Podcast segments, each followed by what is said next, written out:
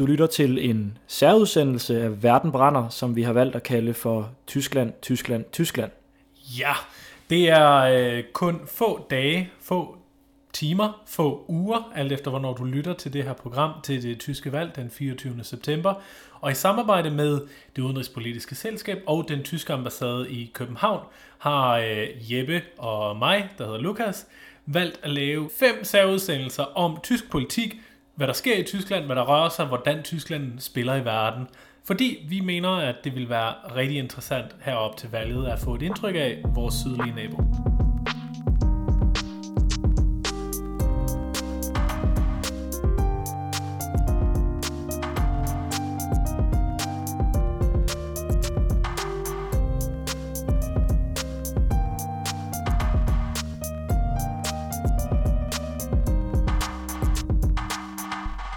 Til nye lyttere, der vil jeg gerne starte med at sige, at øh, Lukas, vi plejer jo bare at tale os to, du og jeg, når vi laver øh, Verdenbrænder. Fordi vi ved alt.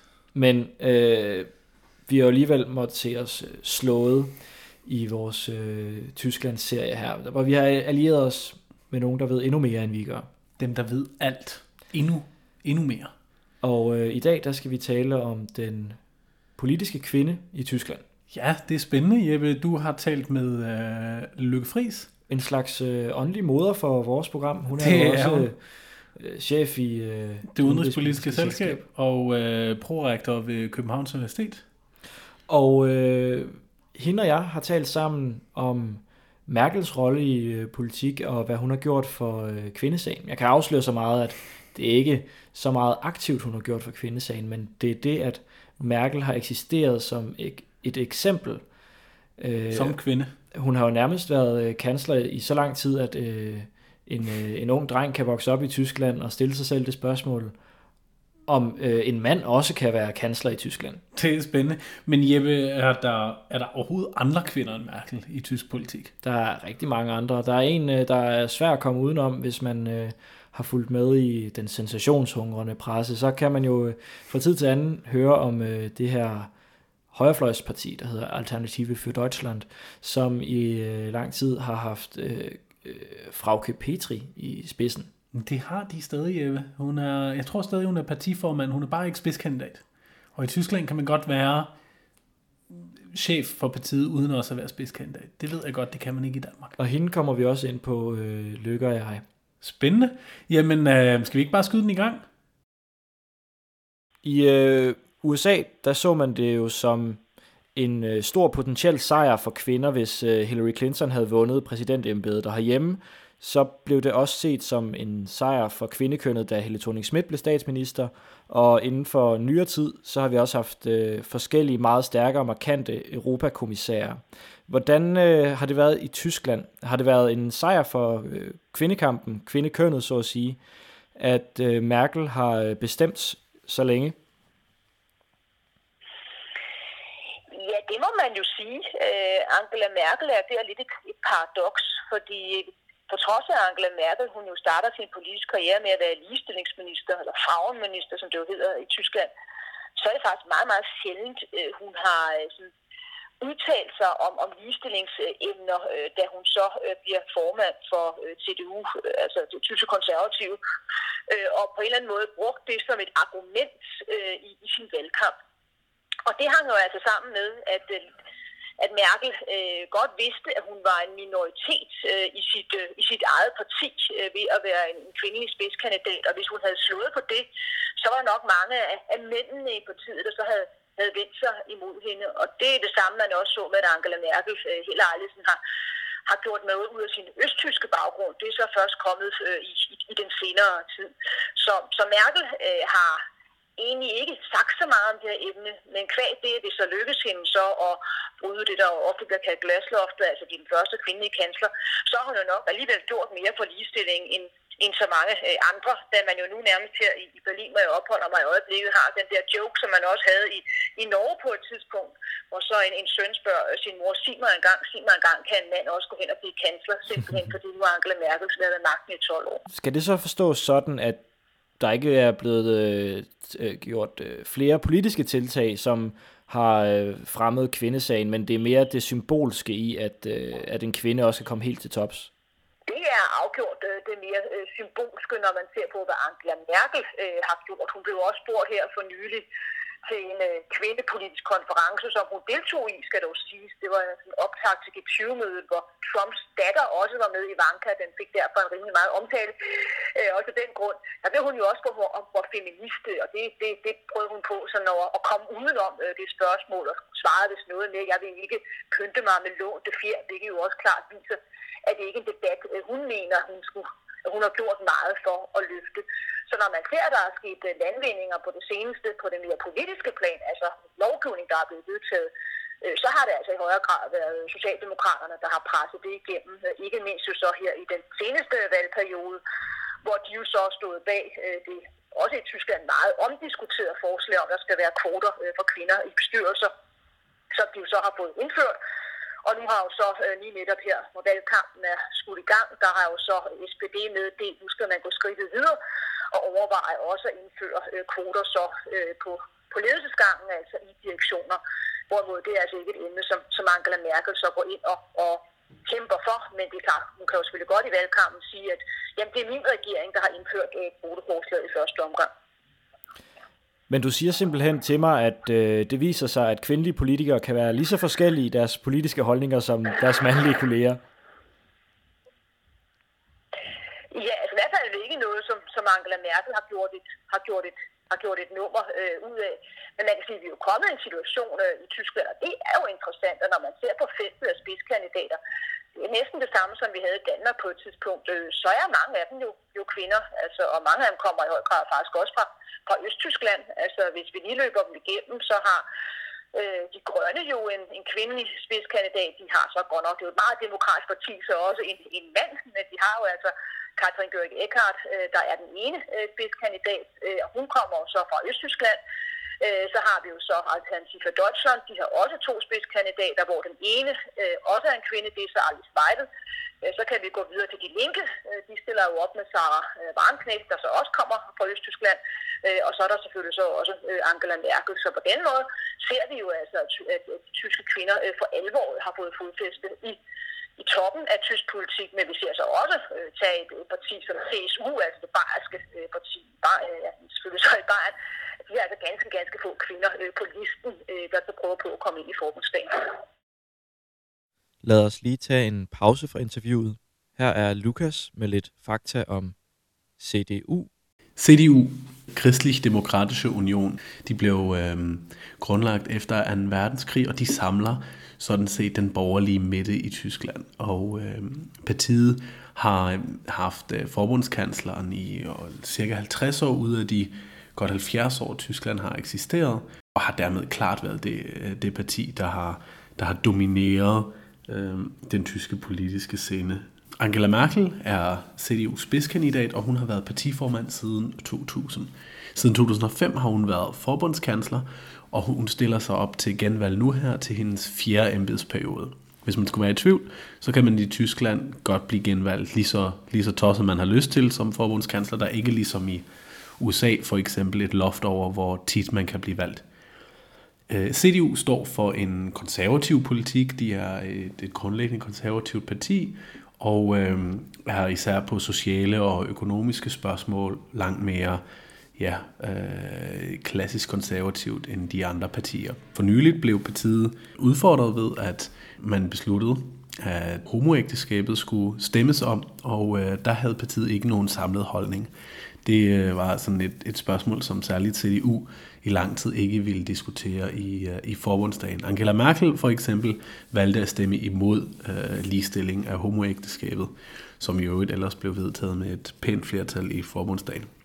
Når man ellers står øh, CDU for sådan, ja, sådan en klassisk konservativ politik. Her i valgkampen fokuserer de meget på det, som CDU øh, med Angela Merkel i spidsen har opnået i løbet af øh, de sidste 12 år, og de fokuserer meget på øh, et stabilt, fremadrettet Tyskland, moderat, lidt konservativt i det, og øh, det kører de rigtig godt med. Øh, politisk har partiet øh, været præget af, at man i løbet af de sidste mange år, siden Angela Merkel blev formand, har overtaget flere af de andres partipolitiske prioriteter. For eksempel har man overtaget øh, mange af SPD's øh, valgkrav, og øh, dermed gjort, at man har øh, svækket øh, SPD øh, markant. Efter valget ser alt ud til, at Angela Merkel kommer til at fortsætte som bundeskansler og dermed som øh, partiformand også, og de kan vælge formentlig, som det ser ud lige nu, om de vil indgå i en grosse koalition, altså en koalition med SPD, eller om de vil indgå i en regering med enten de liberale eller med de liberale og de grønne, alt efter hvor mange procent de liberale ender med at få. Hvad, hvad siger sådan, øh, hvad, hvis man kan kalde dem det, altså debatfeminister til øh, Angela Merkels øh, regeringsperiode? jo meget, hvad skal vi sige, dobbelt øh, ned øh, med Angela Merkel. Altså, det er jo et bredt begreb, mhm. debatfeminister. Men, men der været frustration over, at Angela Merkel som den første kvinde øh, ikke har løftet så meget i den ligestillingsmæssige debat. Det er jo i modsætning til for eksempel, hvis man laver en dansk parallel, øh, der har det bare og nu lå det jo altid Helle thorning Schmidt meget på, på, scene, øh, på scene derhjemme også og sige, at jeg, jeg, var, jeg er den første kvinde, og derfor har hun også været inde i den der debat med, om der stilles andre krav til kvinder øh, i, øh, i toppolitik end til mænd. Det er altså ikke noget, der hører Angela Merkel overhovedet gå ind i. Det tror jeg også, hun vil opfatte som værende lidt et, et svaghedstegn, hvis hun overhovedet åbnede øh, for sådan en, en, en debat. Så der kan man sige, der er der altså nogle forskelle mellem, øh, mellem dansk og tysk politik, og det kan jo godt være, at det så forandrer sig i perioden efter Angela Merkel. Mm. Hvad tror du, grunden kan være til, at hun ikke øh, har, øh, har slået så hårdt på, øh, på, på kvindesagskampen? Jamen det er akkurat det samme, øh, altså hvorfor hun ikke så på, at hun var, var østtysk. Og der skal man altså helt huske på, at Angela Merkel jo er en outsider i, i tysk politik af dimensioner. Da hun bliver øh, formand for øh, CDU, jamen der er hun nok øh, mest utraditionelle formand, du overhovedet øh, kan forestille dig. Hvis du landede fra Mars, eller hvor du lander fra, og så fik jeg videre, at Angela Merkel er blevet formand for CDU, så ville du virkelig have rystet på hovedet, fordi det parti var jo på det tidspunkt, jamen det var meget domineret af mænd, det var domineret af, af vesttyskere, og hun var hverken mm. mand eller, hverken eller. eller vesttysker. Så ja, hverken eller, så var det et familieparti. Øh, Merkel øh, var skilt øh, og var på det tidspunkt ikke engang øh, gift endnu med mand nummer to et parti, der går meget op i netop familie, det vil sige børn. Øh, Angela Merkel har ikke nogen børn, øh, og så kan vi så også lige have med, at det er jo også et parti, der jo så har katolske rødder, og hvad er Angela Merkel? Hun er protestant. Altså, så på den måde, hvis hun var begyndt at slå på nogle af de der ting, der gjorde hende til en, øh, til en særling i, i tysk politik, ja, så var det jo virkelig gået galt for hende. Altså, derfor så har hun altså lagt sig på en, på en uh, position, hvor hun slet ikke på nogle punkter så har fremhævet de her ting, der gør hende specielt. Hun siger jo nærmest heller ikke noget om sit privatliv. Altså, det eneste, du har hørt hende sige i valgkampen nu, det er, og hun har sagt, at, at min mand hjælper med at købe ind en gang imellem. Det kan man selvfølgelig sige, det kan jo også opfattes som et ligestillingspolitisk øh, budskab. Og så har hun nu øh, afsløret opskriften på kartoffelsuppe. Altså, men det er sådan set det mest, du får, det, det er sådan det maksimale, du får Angela Merkel til at sige om sit privatliv. Så der er ikke noget med at begynde at sige noget om, at jeg har fravalgt børnene, eller, eller hvad ved jeg. Øh, det er sådan et tema, hun slet ikke kommer ind på. Men er det fordi, det er øh, for farligt? Altså er det sådan, at man skal have, så at sige, øh, de rigtige holdninger for at, øh, at være en, en, en god kvindelig politiker, og så hvis man ikke har dem, så øh, lader man bare være med at udtale sig om dem? holdningerne er jo altid det afgørende, uanset hvad. Jeg tror bare, man, man, man skal se på den måde, at, at for Angela Merkel har det bare, da hun kom frem, været vigtigt ikke at, at komme ind på de temaer. Det synes jeg, man godt kan, kan fornemme, øh, at hun har, har ændret på. Måske ikke så meget på kvindesagen, men altså i dag taler hun jo meget mere om sin østtyske baggrund, hun gjorde dengang. Altså det, det er blevet helt øh, normalt for hende at minde om, at vi er jo opvokset bag, øh, bag, bag jerntæppet opvokset bag en mur. Tag hele flygtningedebatten. Der, der, der spillede hun jo faktisk det kort, da hun så øh, sagde, at vi bliver nødt til at hjælpe mange af de her, der kommer fra Syrien. Jeg har jo selv prøvet, øh, hvad det vil sige, øh, at og, og være vokset op i et, øh, et system, hvor der ikke er frihed. Og da så nogle lande sagde, at nu skulle man indføre grænsekontrol, så var det straks Angela Merkel sagde, jamen jeg har prøvet at at vokse op bag en mur. Jeg ved, at mure, de, de kommer ikke til at holde. Øh, det skal vi ikke kastes ud i. Det, kunne du, det ville hun aldrig nogensinde have gjort, for, øh, altså, lige, da, lige da hun kom til, for der var det simpelthen for kontroversielt, at hun var, var østtysker. Og derfor vil jeg heller ikke, det vil ikke overraske mig, hvis hun kaster sig ud noget mere i de her ligestillingspolitiske debatter.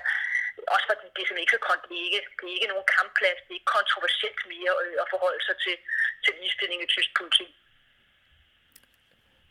Nej. Altså, så har hun jo fået rykket noget der. Hvad med øhm, øh, Frauke Petri, hvis vi skal tale ja. lidt om hende? Hvordan... Øh, hvordan... Ja, lige, ja, lige, lige inden vi kommer til hende, jeg tror egentlig, der er klart en meget god parallel her til, til Margaret Thatcher, fordi man kan jo sige, at, at der er altså ikke særlig mange paralleller. de to kvinder, bortset fra, at de begge to har en naturvidenskabelig baggrund, og var de første øh, kvindelige, hvad hedder de, øh, premierminister, statsminister i deres i deres, i deres lande. Men Margaret Thatcher var jo i den grad jo en ideologisk politiker, der har et ideologisk pas. Uh, This lady is not for turning, hvorimod Angela Merkel jo er, er meget mere uh, pragmatisk. Men der var altså den lighed, at, de, at Margaret Thatcher udtalte sig nærmest heller aldrig øh, om ligestilling, øh, på trods af, at hun var den første kvinde. Men ligesom øh, Merkel, øh, så er det det vigtigste, Thatcher har gjort, det er ikke at sige alt muligt, men det er at gøre noget, altså walk to talk, men netop så også at være den første kvinde, øh, der formåede at blive, blive premierminister. Og det der er væk også en kamp at, at tage.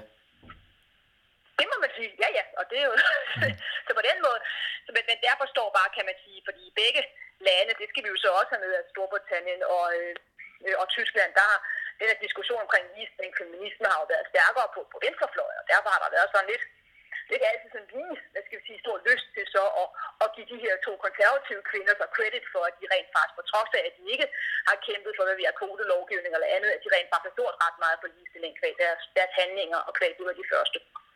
Ja, men det er jo også det, man, man så herhjemme, altså at uh, Helle thorning Schmidt fik jo heller ikke altid lige meget medvind, fordi hun måske ikke var venstreorienteret nok. Altså, øh, der, der er sådan den der, øh, hvad kan man sige, øh, me- metervare feminismen, den skal gerne være venstreorienteret.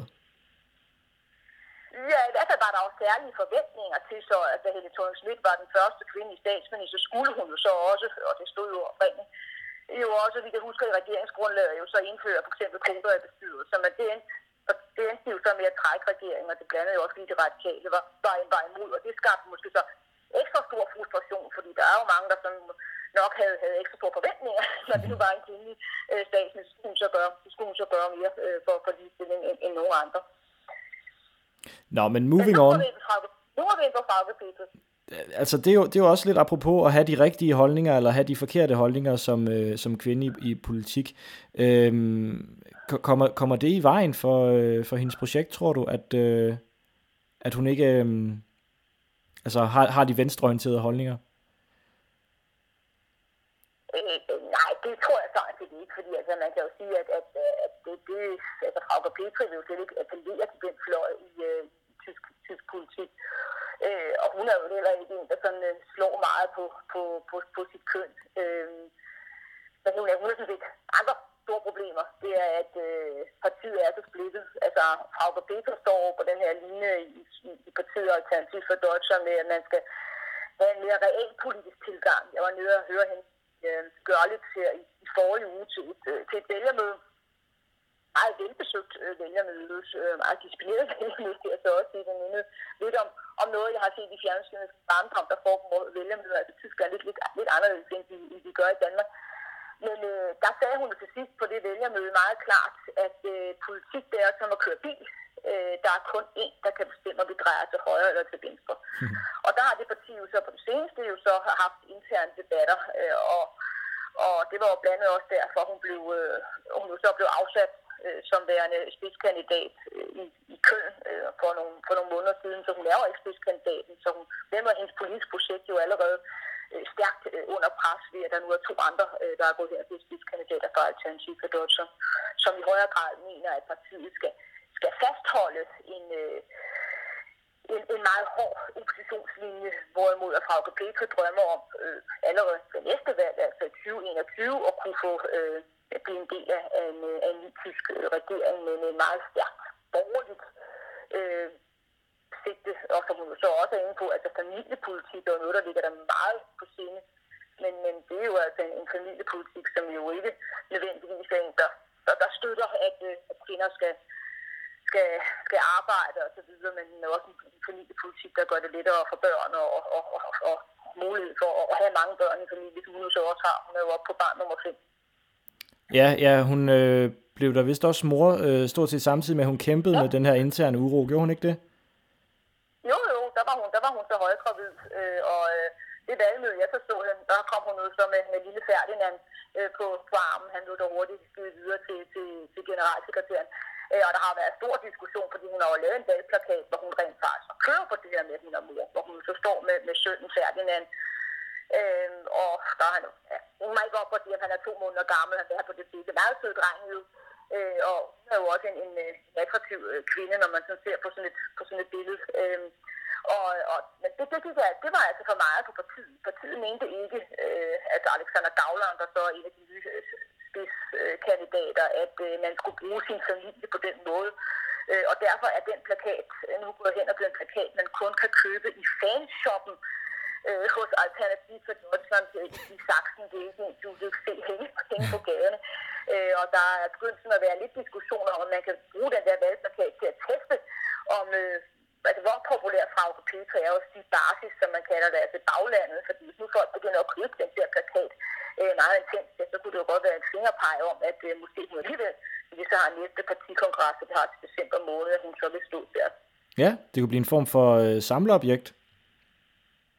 Ja, det er åbenbart. Det, det hele taget er, at valgplakater i Tyskland, det var jeg ikke klar over. Det er sådan noget mere Øh, det er en del også af, hvordan man finansierer sin valgkamp på. Du går ind på hjemmesiderne for, for de enkelte partier, så kan du gå ind og, og købe en, en valgplakat, øh, og på den måde støtte en, en kandidats øh, valgkamp, ved han, så, han eller hun så kan hænge flere valgplakater op øh, ud på gaderne. Det er ikke, vi har et system i Danmark. Man kan selvfølgelig være så fejl.